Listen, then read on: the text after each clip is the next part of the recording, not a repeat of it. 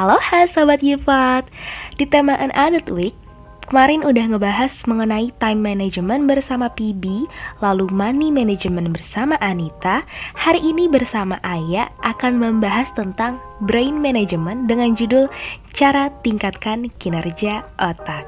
Yuk dengerin sampai habis. Pasti sering dari kita terbenak pertanyaan Kenapa orang Indonesia sering kali tertinggal dari negara-negara lain, baik itu dalam bidang ekonomi, teknologi, pendidikan, dan lainnya? Hmm, kenapa ya, Sobat Yupot? Padahal kan sumber daya alam kita melimpah. Sumber daya manusianya pun apalagi? Bahkan terbesar keempat loh di dunia. Mungkin ini semua terjadi dikarenakan faktor optimasi otak kita yang kurang kita optimalkan fungsinya. Misal, dari tidak terarahnya sistem pendidikan yang tidak mementingkan nilai hidup, tapi mengarahkan kita untuk mengejar angka dan hasil. Itu bisa jadi faktornya. Metode belajar yang tidak menyesuaikan seluruh minat bakat yang beragam dapat membuat kita stres hingga depresi.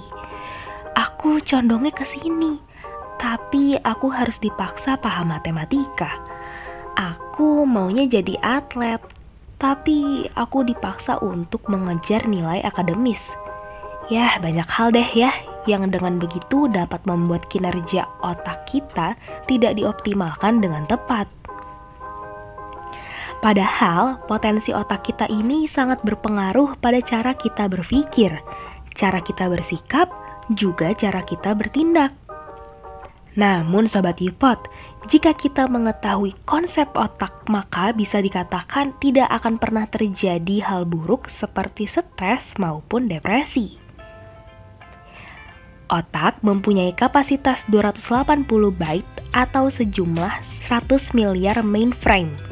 Sehingga jika 100 miliar diambil satu aja dan digunakan untuk berpikir maupun belajar, maka akan bisa menyusun proses perluasan wilayah otak menjadi 20 sampai 50 sel jaringan baru per detik. Maka nggak heran nih teman-teman kalau ada buku yang pernah bilang bahwa jika otak kita digunakan lima kali oleh profesor yang paling pintar, maka sejatinya otak tidak akan pernah penuh pasti masih menyisakan tempat. Maka dari itu, gak ada tuh kata bodoh dan pusing karena belajar serta stres mestinya. Nah, sekarang pertanyaannya, sudah seberapa pandai kita dalam menyusun manajemen otak? Sebenarnya ketika kita stres itu kondisi dalam otak lagi crowded cenah. Sebagai contoh, ketika kita dihadapkan suatu masalah yang di luar kendali. Misal kamu mestinya berangkat kerja atau kuliah itu jam 8, sudah harus sampai di tempat. Tapi karena kamu menggunakan transportasi umum, kamu jadinya harus berangkat lebih pagi. Eh, tetapi walau kamu udah sepagi apa pun, ketika naik transportasi umum tersebut ternyata macet parah dan membuat kamu berpikir, Gimana nih caranya supaya kamu bisa sampai kampus atau tempat kerja ini tepat waktu? Nah, kondisi ini merupakan benih dari stres karena adanya aktivitas rutin yang biasa dikerjakan malah nggak dikerjain atau yang biasa dikerjain malah di luar kendali, sehingga menimbulkan tekanan. Kenapa ada tekanan itu sendiri? Karena ada tanggung jawab yang tidak bisa kita bayar dikarenakan tidak kita lakukan. Maka tidak heran ketika kita stres misalnya karena diputusin pacar, ditinggal mati kucing kesayangan. Somehow hidup kita jadi berantakan banget, ya kan? Atau contoh lain mengenai kesalahan dalam memanage otak adalah ketika kita terlalu sibuk dengan rutinitas yang ada tanpa menciptakan aktivitas baru. Jadi nggak mau keluar dari zona nyaman. Nah, inilah Sobat Yupot, contoh dari manusia yang gagal dalam memanage otaknya. Nah, untuk menjaga kinerja otakmu dengan baik dan optimal, berikut cara-caranya. Yang pertama, mengkonsumsi makanan sehat. Makan makanan yang sehat dapat mempengaruhi kualitas otakmu loh. Dari makanan bernutrisi yang mempengaruhi sistem kognitif seseorang, seperti makanan yang mengandung asam lemak omega 3 seperti kacang-kacangan, sayuran, buah-buahan, dan ikan, ini bagus untuk kesehatan mental. Mengurangi konsumsi daging merah juga bagus untuk kamu. Dan FYI nih guys, ternyata orang-orang yang vegetarian ini lebih memiliki suasana hati yang tenang dan emosi yang terkendali ketimbang mereka yang mengkonsumsi daging. Wah, emang bener ya, sayur-sayuran dan makanan bernutrisi tak hanya sehat untuk fisik kita, tapi bisa berpengaruh dengan otak kita juga. Yang kedua, bermain permainan asah otak. Nah ini nih seru banget Sobat Yupot Untuk mencegah otak kita semakin lemah kinerjanya Diperlukan kegiatan yang menghibur dan mengasah otak Seperti bermain puzzle, sudoku, TTS atau teka-teki silang Atau bahkan senam otak Nah, karena penelitian menemukan peningkatan fungsi kognitif otak seperti perhatian, penalaran, dan memori pada orang yang aktif mengasah otak. Yang ketiga, membaca, menonton, dan membahas sesuatu.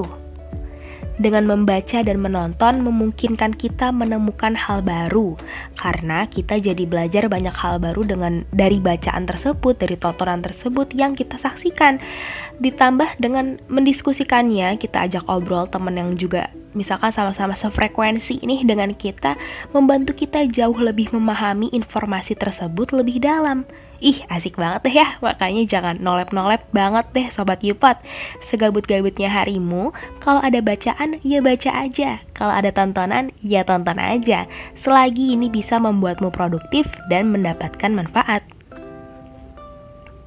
Yang terakhir, belajar bahasa asing. Assalamualaikum. Ohayo. Annyeonghaseyo. Chonen. Aya imnida. Um, apa lagi ya? Washu. Aya. Aya des. Arigato. Thank you. Terima kasih. Danke. Yuhu, jagokan aku bahasa asing, guys. Ya walau hanya bisa gitu aja sih karena sering nonton drakor atau anim, ya jadi tahu walau nggak jago sebenarnya. Ternyata bahasa asing bisa menjaga fungsi otak juga loh karena dengan kosakata baru yang kita dapat akan mencegah penurunan kemampuan kognitif dan bahkan mempelajari bahasa asing juga mampu menunda gejala Alzheimer dan penuaan pada otak. Masih banyak lagi deh kegiatan menyenangkan yang bermanfaat untuk meningkatkan kinerja otakmu. Mendengarkan musik misalnya, melukis, mengikuti kegiatan volunteer, ya apa pun itu yang bisa menyesuaikan dengan minat dan hobimu. Yuk kita jaga terus brain management kita agar bisa menjadi manusia berkualitas dan bermanfaat bagi banyak orang. Segitu dulu dari aku, semoga bermanfaat. Kepoin next episode ya. See you, bye-bye.